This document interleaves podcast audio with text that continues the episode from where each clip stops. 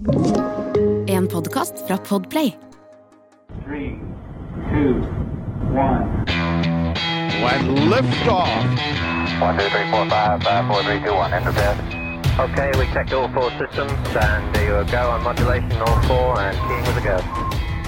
Tranquility Base here. The Eagle has landed.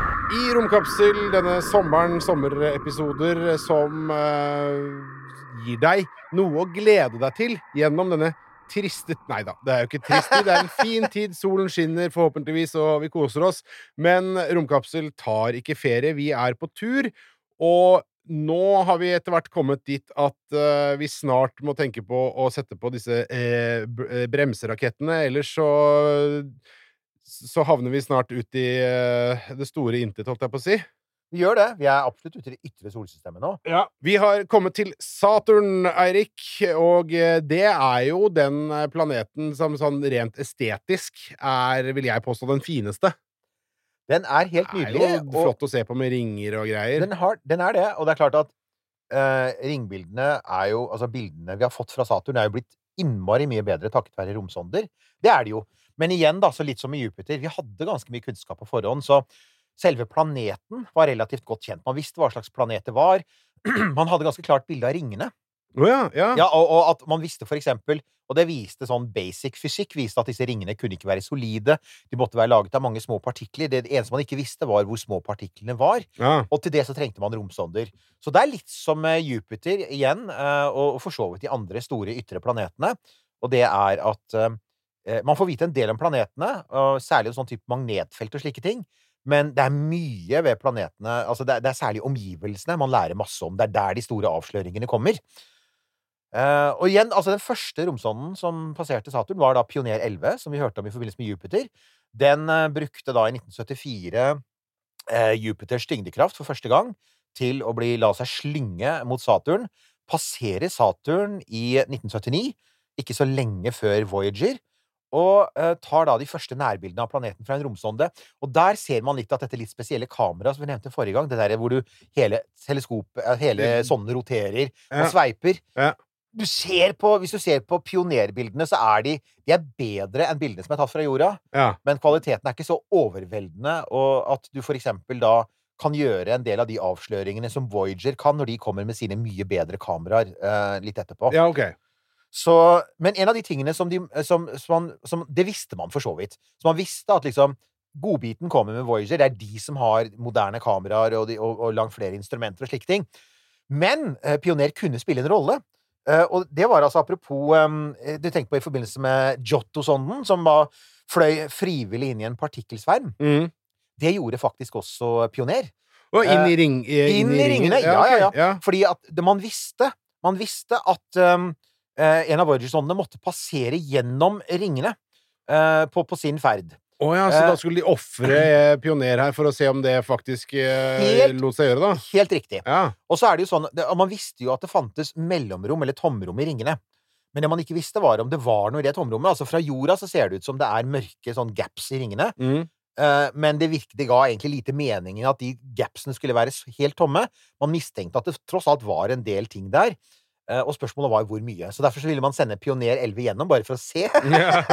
Så det er sånn Du kan gå foran, for du har ingen verdi. Jeg er munnskjenken eh, Ja, du er munnskjenken. Du har ingen verdi. Du har dårlige kameraer og dårlig utstyr, så du kan Ja. gå foran. Det er eh, stakkars Pioner 11. Heldigvis, da, så, så, så gikk det bra. ja. Og da, dermed så kunne Voyager fly videre til Uranus og Neptun, for det var det som måtte til, da. Mm. Men, men det interessante er at mens den da ikke kolliderte med noen ringpartikler, så var den veldig nær ved å kollidere med en uoppdaget måne, så det kunne ha endt et smell, altså. ja, ok. Men da fant man en ny måned, da. Ja, fant man en ny måne. Ja. Og så er det da Voyager, eh, Voyager 1 og 2 ankommer. Eh, og det er, er, altså, de er viktige, for at da får du de første høyoppløselige bildene. Ikke bare av Saturns overflate, men du får det også av ringene, og du får det av månene. Og en av de tingene man oppdaget med ringene da, man hadde jo vært veldig nysgjerrig på det, for man hadde sett for seg at ok, ringene Man så for seg at disse besto av sånne brede flak av småpartikler. Det man ser når man kommer nærmere, er at det er ikke sånn det er. Ringene er istedenfor tusenvis av smale ringer.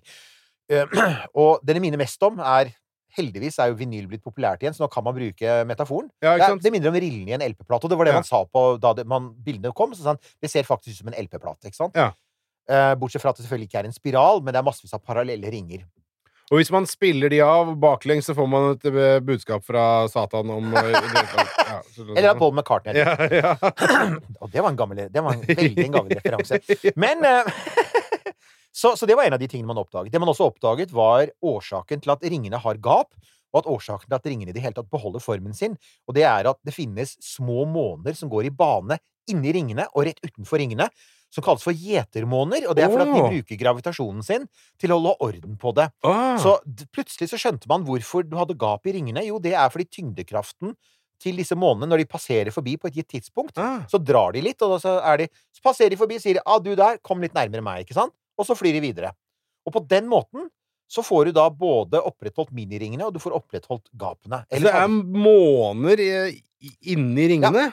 Shepherd Moons, Det er så kult! Det er veldig kult. Man oppdaget jo også at ringene eh, Ringene er jo ikke altså, Ja, de, de ser ut som rillene på en plate, men, noen, men ringene er også i bevegelse. Du hadde, så blant annet ringer som hadde gått i spiral rundt hverandre. Altså, så mye rart. Så det man skjønte, det var litt som jeg har vært inne på tidligere, man skjønte at eh, solsystemet, det ytre solsystemet igjen var mer dynamisk enn man hadde sett for seg. Det var mer action der. Ja, for det, altså, men, så rent sånn estetisk også, så ser jo disse ringene og det landskapet der er jo utrolig fascinerende. Mm. Det ser jo fantastisk flott ut, og det Ja, det er ser ut som et veldig sånn Ja, ja. Altså, det ser nesten idyllisk ut, da. Helt sant.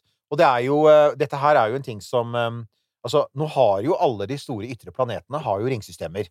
Jupiter har, eh, og det har også Uranus og Neptun. Og, eh, men disse ringsystemene de er veldig små sammenlignet med Saturn. Så det unike med Saturn så er hvor gigantiske de er. Og man har jo også, takket være romsondene, fått bekreftet tanken om at dette her er antagelig eller et eller annet større legeme som brøt opp for, for, en, for en, mange millioner år siden. Og man vet også at de kommer ikke til å vare evig. På et eller annet tidspunkt så vil altså ting som går i bane, vil på et eller annet tidspunkt, hvis det i det hele tatt finnes noe partikler der, så vil de etter hvert bremses opp og Ja. falle ned. Så, så vi får nyte ringene med nå, og så noen millioner år, så er det ikke sikkert de er der. ja. ja, husk på å sjekke igjen om noen millioner år, da, og se hvordan det står til. Eh, husk på det. Ikke sant? Ja. Og så er det da Så kommer jo altså en annen ting som eh, Voyager gjorde. Voyager 1 den hadde jo Altså, Voyager 1 var opprinnelig satt opp til å fly forbi Saturn og så til Pluto. Ja. Og da hadde vi jo fått sett Pluto på 1990-tallet istedenfor å vente til 2015. Eh, det var, man valgte å omprioritere istedenfor å sende forbi månen Titan, den Ja. For dette er jo en av de største månene i solsystemet, og den har en atmosfære. Den har en tett atmosfære. Så Titan så man på som veldig interessant. Problemet var bare at da Voyager 1 suste forbi, så var altså En ting var at Titan var dekket av disse oransje metanskyene. Pluss eh, Voyager var ikke egentlig utstyrt med de riktige instrumentene for å se gjennom disse skyene. Så det var ikke bortkastet, det var det ikke, men det var mye mindre givende. Og i ettertid så har jo mange sagt at vi heller burde dratt til Pluto. Ja, For? Pluto, I ettertid så ser man at Pluto var, hadde vært mye bedre egnet for det, det kameraet de hadde. Men uh, man gjorde nå det, da. ja, men Også, man kan ikke gjøre alt riktig hele tida, vet du. Nei, nei, nei. nei. Nei da. Og så tok man jo bilder av disse her Som sagt, dette, dette, de- altså alle disse rare og mystiske månene, som for eksempel en måned Japetus, som er halvveis svart og halvveis hvit, og det er en måne der ute som ser ut som dødsstjernen fra, fra Star Wars. I det hele tatt. Kanskje det er dødsstjernen fra Star Wars? ja, det er ikke utelukka. senere bilder har vist at Å, ja. det er det. Men eh, men, eh, men man fikk altså man fikk en god del informasjon om planetsystemet og ringsystemet. Problemet var jo igjen at man at altså Voyager-sondene, i likhet med Pioner 11, var der bare noen timer. Mm. Det var en flypass, ikke sant? forbi. Flyby. Ja. Eh, det man trengte, var noen som gikk inn i bane og ble der. Og det fikk man jo heldigvis, da. ja. Tok litt tid. Det tok litt tid, og det kostet fryktelig mye penger. Men eh, Cassini-sonden, som er da oppkalt etter eh, en astronom som forsket mye på Saturn, eh, det var et kombinert ESA- og NASA-prosjekt, der NASA leverte selve hovedsonden, og ESA leverte en sonde som skulle lande på Titan. 1202. Og Cassini gikk da inn i bane rundt eh, Saturn i, eh, i 2004, og den blei der jo i 13 år. Ja. Den falt jo ned i 2017. Jeg husker Det er såpass nylig at det er mange som sikkert husker det, at det var litt sånn der, Å nei, nå brenner Cassini opp i, i Saturns atmosfære. Og det er en viktig grunn til at de for øvrig gjorde det.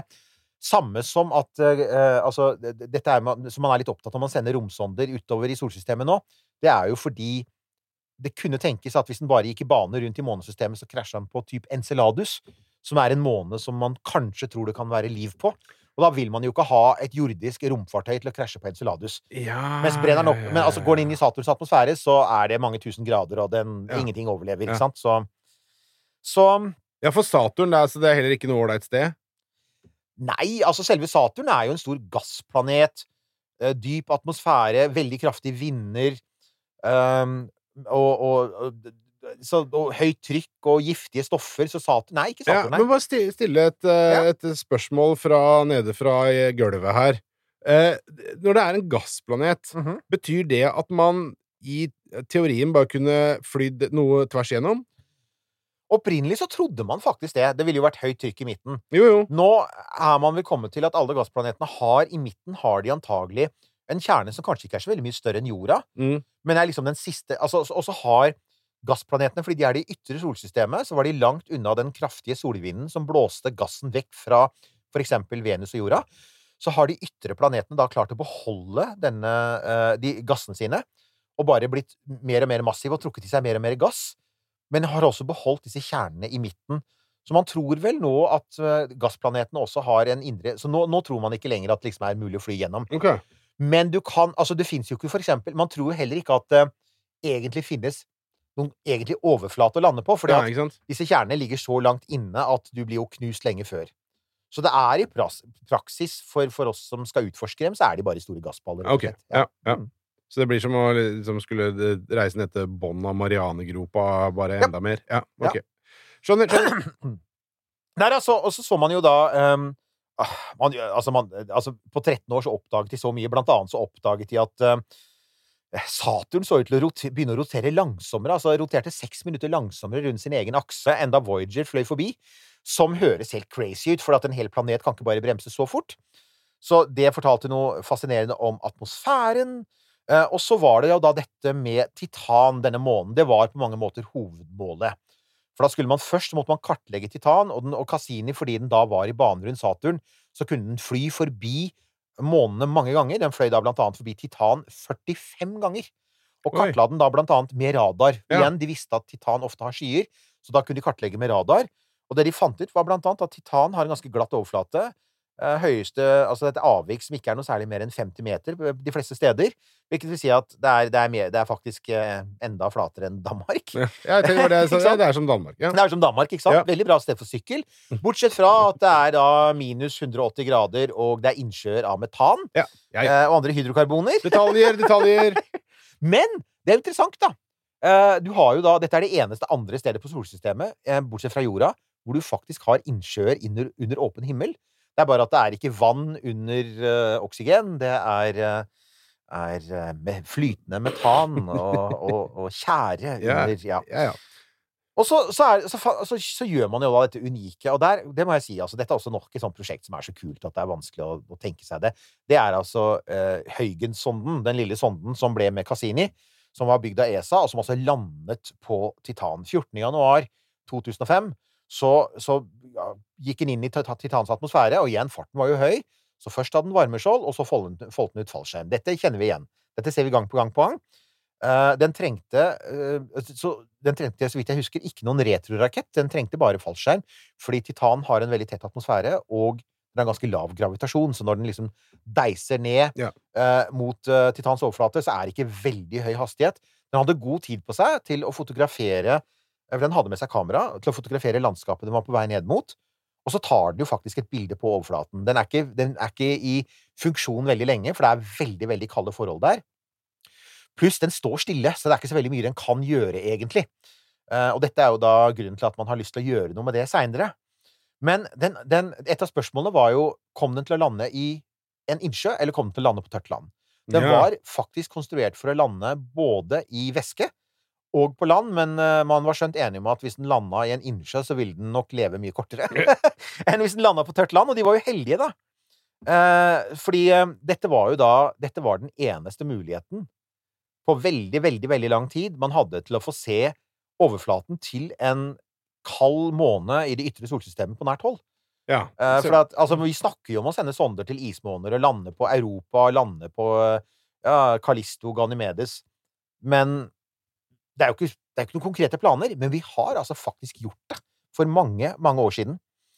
Ja, Eh, for, men altså bare sånn fordi at de tinga man, man eh, Altså det vi snakker om nå, Cassini, eh, Saturn Mm. Av, hvor, hvor lang tid tar det å komme seg dit? Bare sånn for å sette det litt sånn i- ja, det tar jo altså det, Litt avhengig av hvordan du treffer Jupiter, så kan jo det fort ta en seks, sju, åtte år, da. Ok, ja, ikke sant? Så altså, du har allerede veldig lang flytid. Du Ja, har det. ja, så det er ikke bare bare. Og det er, jo, det er jo da en grunn til at etter hvert som vi nå beveger oss lenger og lenger ut uh, mot Mm. uh, ingenting, så, så er det sånn begrensa hvor mye ting som har vært på besøk. Det er det. Altså kompleksiteten. eh, det at du også du skal jo også treffe, du skal også treffe på riktig tidspunkt. fordi at hvis du skal bruke Jupiters tyngdekraft til å sikte deg mot Saturn, så må både Jupiter og Saturn stå riktig i forhold til hverandre.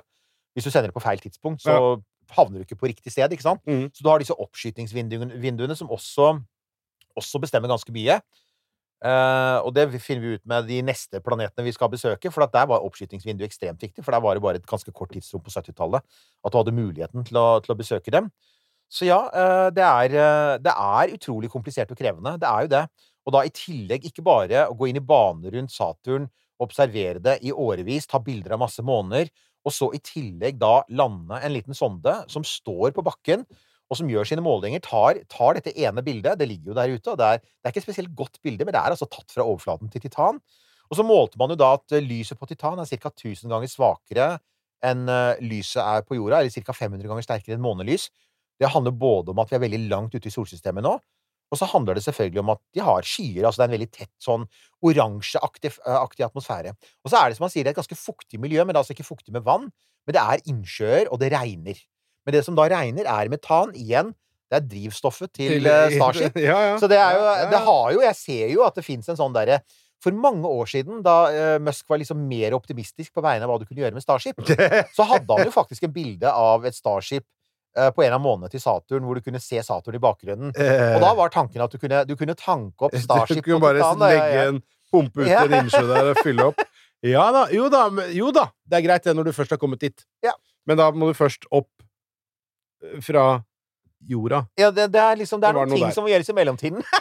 Par trinn på veien. Og så har du, så har du, og så har du da selvfølgelig altså Spørsmålet har du noen fremtidige prosjekter. Når vi kommer til de ytre planetene, det er da du begynner å se litt sånn mørkt ut. da, for det er alltid mye vanskeligere å få penger til disse prosjektene, fordi de er mye mer kostbare, mye mer kompliserte og tar mye mer tid. Og da vil du alltid konkurrere med andre forskere som sier ja, men vi har et utrolig viktig asteroideprosjekt, kometprosjekt, ikke sant. Vi har Venus, vi har Mars, ikke sant. Ja, ja. Og det, det har Saturn lidd under. Så det Surprise, er jo surprise. da, selv om vi nå har hørt at kineserne kanskje skal sende en sonde dit, kanskje sende en sonde dit i 2046, så kommer det neppe noe annet dit. Bortsett fra, og vi har snakket om det, Dragonfly. Som Ja, der er den drona som Ja. vi snakka om. Ja, Den har vi vært borti tidligere. den, den har vi. Ja. Det er altså en 450 kilo tung, kjernekraftdrevet drone som skal hoppe rundt på Titan, ta bilder og Ja, det er, det er så deilig! Det er veldig gøy. Det er veldig kjempegøy. gøy. Altså øh, Jo da, det hadde vært fint hvis det hadde blitt noe av, men det er bare planen er veldig gøy. Planen er veldig gøy. Og det, det som er spennende med den, er selvfølgelig hvor ender den Ender det eksempel opp med at du da også sender at du også sender for eksempel altså, at, at det er en annen sonde som sendes med, så kan det faktisk hende at Saturn får en liten gratissonde med på, på kjøpet. Ja, ja, ja. Så, altså, det finnes jo blant annet massevis av CubeSat og SmallSats. Kanskje finnes det noen løsninger der. Det får vi håpe på. Men ellers er det ellers får jeg si at er nå, altså, nå er det virkelig langt mellom drammene. Og alle disse her fantastiske, ambisiøse planene man har i, i, Altså, det indre solsystemet er liksom sånn leirbålet. Nær inne ved leirbålet er det koselig og varmt, og vi koser oss, og vi prater med hverandre, og nå er vi langt utafor i mørket. Og her er det nesten ingen som har lyst til å være, og det er nesten ingenting som skjer. Tenk på det. Kjære ørevenn. Kos deg i varmen. Jeg speisa litt ut her et lite øyeblikk. OK, god sommer! Ja, men det er speisa. Du har hørt en podkast fra Podplay. En enklere måte å høre podkast på. Last ned appen Podplay, eller se podplay.no.